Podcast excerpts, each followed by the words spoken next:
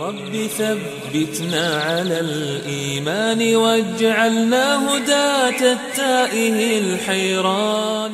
أعوذ بالله من الشيطان الرجيم. بسم الله الرحمن الرحيم. إن الحمد لله تعالى نحمده ونستعينه ونستغفره ونعوذ بالله من شرور أنفسنا ومن سيئات أعمالنا. من يهده الله فلا مضل له ومن يضلل فلا هادي له. وأشهد أن لا إله إلا الله وحده لا شريك له وأشهد أن محمدا عبده ورسوله. أرسله الله تبارك وتعالى بالهدى ودين الحق ليظهره على الدين كله وكفى بالله شهيدا. ثم أما بعد. Svaka zahvala pripada Allahu subhanahu wa ta'ala. Od njega oprost i uputu i učešćenje na pravom putu tražimo. Od njega pomoć u svakom našem stanju tražimo. Neka je salavat i salam na njegovog posljednjeg poslanika, njegovog miljenika Muhameda sallallahu alaihi wasallam, njegovu časnu porodcu, sve njegove ashabe, kao i one koji slijede njihov put do sudnjega dana.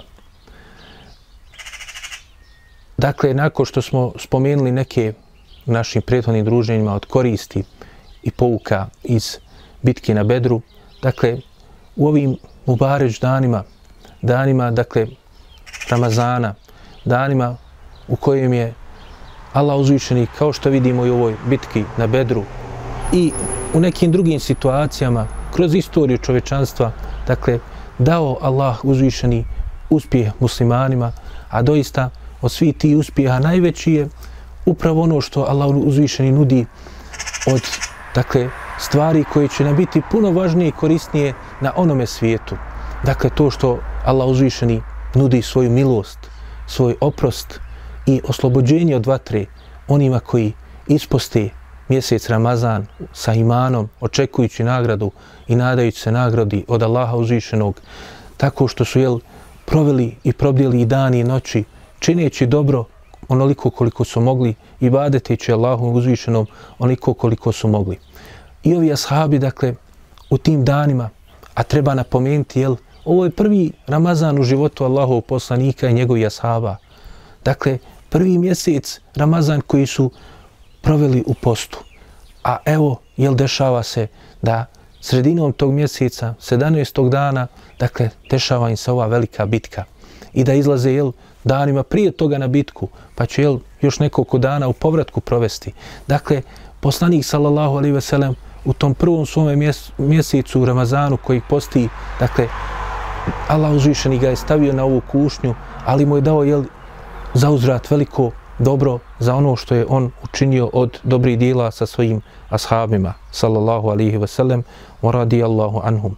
Dakle, Allahu poslanik, sallallahu alihi wasallam, pokazuje nam, jel, dakle, na svome primjeru, u ovim, dakle, danima, e, kada je bio na putu prema Bedru, u sa, na samom poprištu bitke na Bedru, dakle, pokazuje koliko je važna, dakle, oslanjanje na Allaha, dova i e, traženje od Allaha subhanahu wa ta'ala. I dakle, što je žešće iskušenje, što se više jel, spusti čovjek u iskušenje, treba da bude što više ponizan prema Allahu i da što više, dakle, se vraća prema njemu. Dakle, i traži od njega kroz dovu. Tako je Allahov poslanik sallallahu alejhi ve sellem. Dakle, što je dakle veće iskušenje, tada još preče da će Allah uzvišeni odgovoriti na dovu. A još ako su to dani mubareč, poput dana Ramazana, ako je to u noćima Ramazana, u zadnjoj trećini noći Ram Ramazana, ili kada čovjek je u dakle, e, vremenu kada završava svoj post, dakle pred završetak dana posta, dakle sve odabrana vremena kada Allah uzvišeni prima dovu, na namazu, na svojoj seždi, dok je jel, u mjesecu Ramazanu, dakle, sastavljio je Allah uzvišeni mnoštvo, dakle, vremena, kada je na ljudima samo, dakle, da se vrate Allahu subhanahu wa ta'ala. Onoga koga Allah uzvišeni nadahne na dovu, već mu je veliko dobro dao. Jer Allah uzvišeni ga ne bi nadahnuo, osim da bi mu dao i udovolji ono što on traži. Ne, ne bi ga nadahnuo da traži oprost za svoje grijehe, osim želeći da mu oprosti ono što je učinio od grijeha. Tako je Allahov poslanik sallallahu alejhi ve sellem. Dakle, on je bio dakle upravo takav u ovim dakle e, momentima bitke na Bedru. Najviše je dovio i tražio od Allaha subhanahu wa ta'ala svo vrijeme. I također vidjet ćemo jel, da Allahov poslanik sallallahu alaihi wasallam dakle bio je istinski ubijeđen. Dakle njegov iman je bio postojan da će Allah pomoći. I oslonio se na njega i od njega tražio. Pa je Allah uzvišeni se jel, odazvao dakle njegovim do, e, dovama.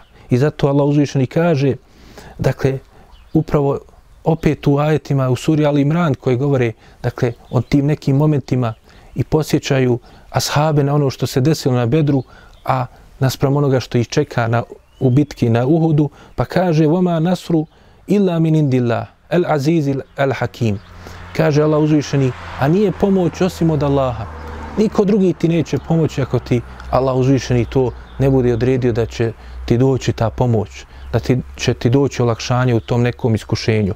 Jer, kaže Allah uzvišeni, nema pomoći osim od Allaha. Ali pogledamo kako Allah uzvišeni nije slučajno u svakom ajetu, dakle, kao što smo rekli, svaka riječ ima svoje značenje. Posebno Allahova lijepa imena uzvišena svojstva. Allah uzvišeni kaže ovdje El Aziz, El Hakim. Dakle, onaj koji je sila, moćan, El Aziz.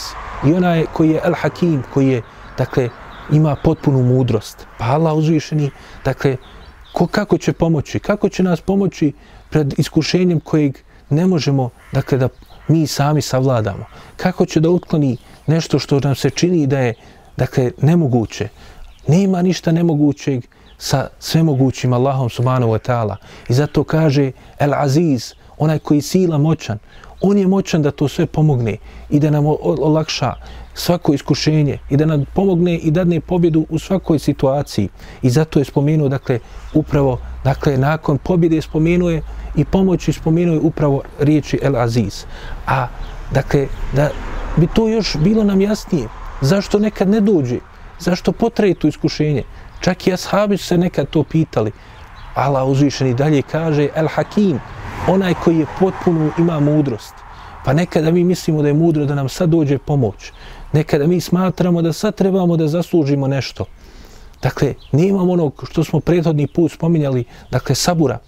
Dakle, nemamo, dakle, strpljivosti. Dakle, ali Allah uzvišeni, dakle, ako osaburimo, ako otrpimo, Allah uzvišeni će dati to i svoje mudrosti kada je najbolje za nas.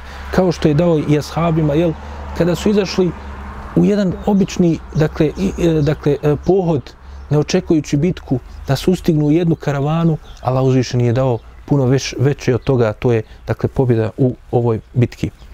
Sljedeća stvar koju trebamo vidjeti iz bitke na Bedru jeste da je Allahov poslanik sallallahu alaihi ve sellem dakle sa svojim ashabima ponudio nam veliki primjer dakle kako da se postupa a s druge strane također i mušici dakle su nam pokazali kako da ne trebamo da postupamo I zato Allah uzvišeni u ajetu suri Ibrahim koji smo rekli da govori o bitki na Bedru, kaže nam elem tere ile ladine bedelu ni'met Allahi kufra. Kaže, zar nisi vidio, zar nisi vidio one koji su zamijenili Allahovu blagodat, rekli smo kako Ibn Abbas to protumačio da to znači, dakle, zamijenili su Allahu blagodat Allahu poslanika i slijedženje njega i pokornost njemu sa kufrom, sa nevjerstvom, sa utjerivanjem njega u laž. Pa kaže, za nisi to vidio? Iz ove riječi kažu učenjaci, dakle, Allah uzvišeni nas jel, postiče kroz ovo. Dakle, da posmatramo postupanje, dakle, ti koji su zalutali, da uzimamo korist iz toga. Zašto ćemo posmatrati? Da bi uzeli korist. Nema, jel, tek tako da se gleda, da se naslađujemo, da se, dakle, e, oholimo, dakle, da se zavaramo. Ne, nego da uzmemo korist za sebe u svome životu. I zato na drugim mjestima Allah uzvišni kaže, Fenzur kefe kane akibetul mukedibin. Pogledaj kako je bila kazna, kakav je bio završetak oni koji su bili, dakle, od onih koji su mukedibin, koji su, dakle, išli putem laži, lažnim putevima. Dakle, Allah uzvišeni, dakle, upravo nam potvrđuje i, dakle, u ajetima koji objavio u kontekstu bitke na Bedru, da iz ovih dešavanja trebamo uzeti pouku za sebe. Također, nakon toga treba reći još da Allahu poslanik sallallahu alihi ve sellem u ovoj bitci je nas naučio još nekim stvarima. Dakle, mnoštvo je ti stvari koje se mogu spomenuti po pitanju bitke na Bedru, ali od još nekih stvari koje treba spomenuti, neke koristi koje su izvukli učenjaci iz ovih dešavanja, pa kaže šehu Sejmin, rahimahullah, kaže, kada pogledamo, dakle, te dakle, dvoboje koji su bili prije samoje dešavanja, dakle, i početka bitke, dakle, koji su bili uvod u bitku, pa, dakle, suprostavljanje Hamze, Alije i Ubejda ibn Haritha protiv trojice velikana, dakle, od, dakle, mušrika i njihovih glavešina, Velida, Šejbe i, dakle, uh, Utbe. Dakle, vidimo iz toga, jel, da je e, na kraju, kada su pobjedili svoje suparnike, Hamza i Alija, kaže, na kraju su oni prišli i pomogli, jel, Ubejdu ibn Harithi koji nije mogao da savlada sam, dakle, e, e, veli, e, nije mogao da savlada šejbu. Pa kaže, došli su i pomogli. Pa kaže šeju Semin, jedna od koristi toga jeste da čovjek u svojim poslovima, jel, ima neki zadatak da izvrši, ima svoje radno mjesto i posao koji treba da izvrši. Dakle, iz ovoga, kaže, vidimo korist praktično za nas, kaže, da ako čovjek kao što su ova dvojica sahaba, završila svoju obavezu, kaže, nije, nije problem da jel priđu, pa da i oni pomognu jel ovog trećeg, da on izvrši svoju obavezu koja mu je ostala. Dakle, vidimo jel, dakle, jednu praktičnu stvar u nekim dunjalučkim stvarima, našim životnim, kako jel možemo izvući iz ove bitke. Također, E, kada pogledamo i da je poslanik sallallahu alejhi ve sellem se savjetovao prije same bitke sa dakle e, ashabima nije morao poslanik sallallahu alejhi ve sellem se sa njima savjetovati. On je najbolje znao šta treba uraditi. Ali kažu učenjaci, to je bilo da Allahu poslanik sallallahu alejhi ve sellem dadne primjer onima koji će doći poslije, da se savjetuju. Dakle da oni zajedno se dogovaraju u svojim zajedničkim dakle poslovima u onim koristima koje su važne za cijelo društvo, dakle da se međusobno savjetuju. I zato najbolji, dakle, primjer toga su najodabraniji ashabi, Ebu Bekr i Omer. Pa kaže, kada bi bilo koja važna stvar bila, Omer radijela Anu sabro bi učesnike Bedra. Dakle, učesnike Bedra sabro bi Omer radijela Anu i sa njima se savjetuo kako da postupi. A on, dakle, u tom momentu bi, je bio najbolji među njima, najvredniji. Dakle, preselio Ebu Bekr, ostoje Omer, nema Allahov poslanika, najvredniji čovjek, najpronicljiviji, najinteligentniji u tom momentu, najsposobniji je bio Omer, ali se opet savjetovu. Oni koji su ostali živi od učesnika bitke na Bedru, sabro bio ko sebe. Uvijek je imao pored sebe i Ebu Bekr, dakle imao je Omera, imao je Aliju, također je i Omer radijallahu anhu se savjetovao sa Alijom radijallahu anhu.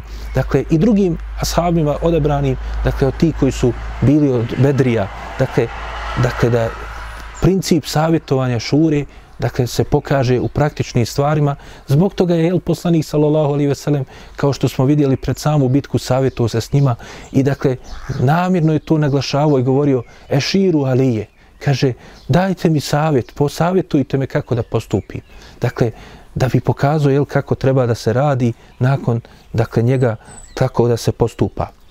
Pošto je jel i mjesec Ramazan, mjesec Kur'ana, Allah uzvišeni posebnu suru je objavio po pitanju, dakle, bitke na Bedru, sura Al-Anfal. I vidjeli smo neki od ajeta koji govore o tome. Vidjeli smo i spominjali smo ajete koji su uvod same sure Al-Anfal.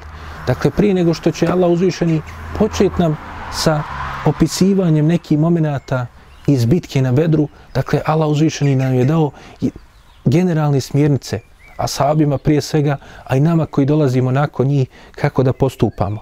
Pa vidimo tu, između ostalog, uz ono što smo već spominjali, dakle, vidimo opis imana, šta znači biti vjernik. Allah uzvišeni nam u tim, dakle, uvjet, uvodnim ajetima opisuje. I zato kaže Allah uzvišeni u tim ajetima, dakle, prvo u stvar, dakle, vrijednost u Kur'ana, dakle, da ljudi, dakle, Kur'an je objavljen da bi njihova srca se napojila, da bi njihova srca uzela pouke iz Kur'ana, da bi se vodila i postupala prema onome što je objavljeno u Kur'anu. Dakle, da bi taj dakle, učenje Kur'ana imalo koristi u njihovim praktičnim životima.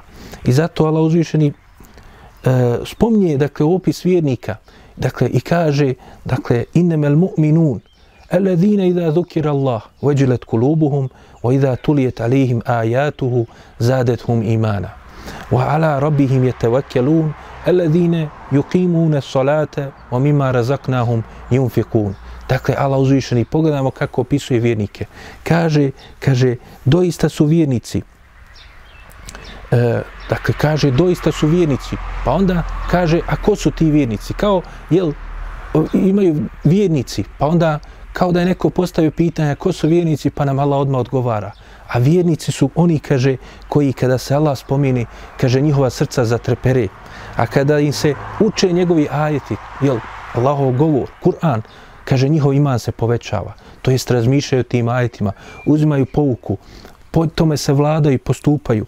Na tome, jel, grade svoj, dakle, život i svoj ahlak. Pa kaže dalje, Allah uzvišeni, i kaže, na gospodara svoga se oslanjaju i kaže, namaz uspostavljaju i od onoga što smo ih mi, dakle, obskrbili, oni udjeljuju. Dakle, pogledajmo, u ovih, dakle, e, dva ajeta Allah uzvišeni nam opisuje čitav iman. Dakle, da je to vjerovanje srcem. Dakle, vjernici oni čija srca zatreperi, koji se oslanjaju na Allaha. Dakle, vjerovanje, dakle, ubjeđenje u srcu, strah od Allaha koji u srcu, ljubav prema Allahu uzvišenom, nada u njega, dakle osnovna dijela srca i još se spomni još jedno, dakle da se na Allaha uzvišenog oslanjaju na svoga gospodara i da kada im se, dakle onda uče ajeti, onda tu jel imamo ono što je e, izgovor, dakle što se jezikom radi, dakle izgovaranje onoga što je Allah uzvišeni traži od nas, a od toga je najbolje jel, zgovaranje njegovoj objave Kur'ana, to im povećava iman, Dakle, potvrđuje se odmah tu da se iman povećava, što automatski znači jel, da činjenjem loših stvari onda dakle, se e, smanjuje iman i onda Allah uzvišeni i potvrđuje da je iman nije samo dakle, ubjeđenje u srcu i govor na jeziku, nego i u praktičnim stvarima, u praktičnim dijelima također se ogleda iman, pa kaže oni koji uspostavljaju namaz i udjeljuju od onoga što smo i mi, dakle, e, čime smo i mi obskrbili. Što je, ističu se najvažnija djela. Dakle, a onda jel, nakon toga ulaze jel, i ostala dijela nakon toga u to značenje. Nakon toga Allah uzvišeni dalje kaže Ulaike humul mu'minune haqqa. Kaže, oni su doista vjernici. Dakle, potvrđuje da su doista ti ljudi onda vjernici.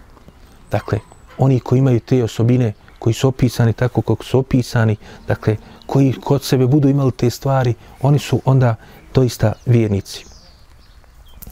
Također ovim ajetima u suri Al-Anfal, u kojima se opisuju, dakle, došavanje u bitke na Bedru, Allah uzvišeni između ostalo kaže eh, Ahrađeke rabuk. Allah uzvišeni ističe i kaže, kaže, izveo vas je vaš gospodar. To jeste, nisu oni planirali, dakle, upravo ovdje Allah uzvični u ovom dijelu ajeta potvrđuje da nisu oni planirali to što, su, što se desilo u bitki i to što će se desiti u bitki i to što je bilo odešavanje bitke, nego je to Allah uzvišeni želio da im se desi. Želio im je to dobro Allah subhanahu wa ta'ala, pa ih je ono jel, i zadesilo. E, također od lijepi koristi od onoga što se deš, desilo E, e, po pitanju dakle bitke na Bedru i onoga što Allah uzvišen ovim ajetima opisuje jeste dakle, dakle izraz tevhida koji je potvrđen u ovim ajetima. Dakle, da je Allahov poslanik sallallahu alaihi wa sallam u sav položaj koji je imao kod Allaha subhanahu wa ta'ala. Dakle, on se obraća Allahu, traži pomoć od Allaha. On nije želio ošte da, i nije znao da će doći do bitke.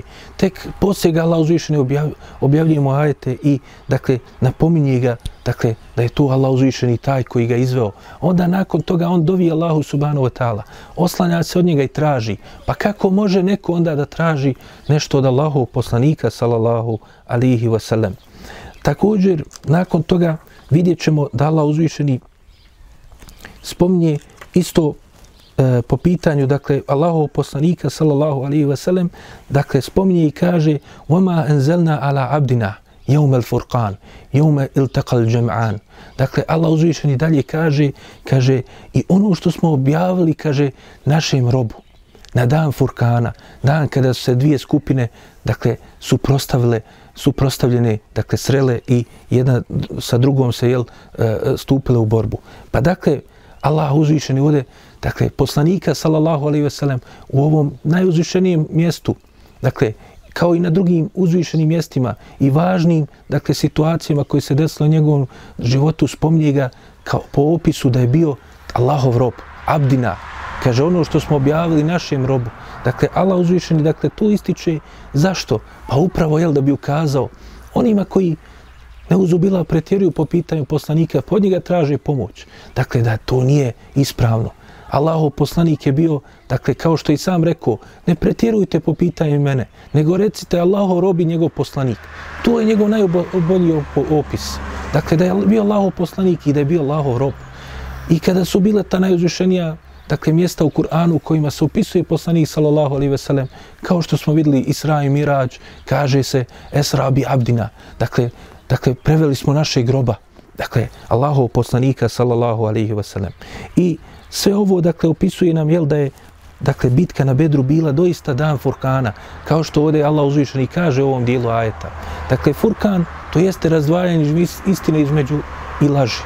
Kako razdvajanje između istine i laži? Tako što je Allah, Allah uzvišeni kroz ono što se desilo ashabima sa Allahom i poslanikom, sallallahu alaihi ve sellem, u ovoj bitki, dakle, razdvojio je između, dakle, laži i onoga na čemu su bili mušici. Razdvojio je između vjernika od mušika. Pokazao nam je kako su završili dakle muslimani, a kako su završili mušici. Također nam je pokazao razliku između načina njihovog ratovanja i ratovanja muslimana. Pokazuju nam je dakle i razliku između ahlaka, morala, Allahov poslanika i razdvojio između Allahov eh, dakle morala i ahlaka Allahov poslanika i njegovih ashaba i morala mušrika. I dakle vrijednosti, dakle načina obhođenja među ljudima i ovim najtežim momentima, dakle kako je bilo dakle postupanje Allahovih Allahovi najodabranijih robova, Allahov poslanika i njegovih ashaba, a i kako je bilo postupanje mušrika. I dakle, i kada su to vidjeli mušici, tada im se obejanilo, razdvojilo između onoga što je dobro i onoga što je loše. Više nisu mogli reći dakle, da imaju ikakvu sumnju. Dakle, izgubili su bilo kakav oblik sumnje. I kao što smo videli, zato su jel, ti najveći zlotvori među njima završili u toj bitci kako su završili. Zato što više dakle, nije ostalo pred njima, osim da se prihvate istine ili da skončaju u propasti slijedeći i nastavljajući putom zablude. A ashabi Allahov poslanika, sallallahu alaihi wa sallam, dakle, ti odabrani Allahovi robovi, dakle, Allah uzvišen je dao da njihov život kada ih posmatramo kroz cijelinu, dakle, nije ništa Allah uzvišen ostavio od dobra, a da ih oni nisu radili. Nije ništa ostavio od iskušenja, od loših situacija da nije zadeslo njih kao generaciju.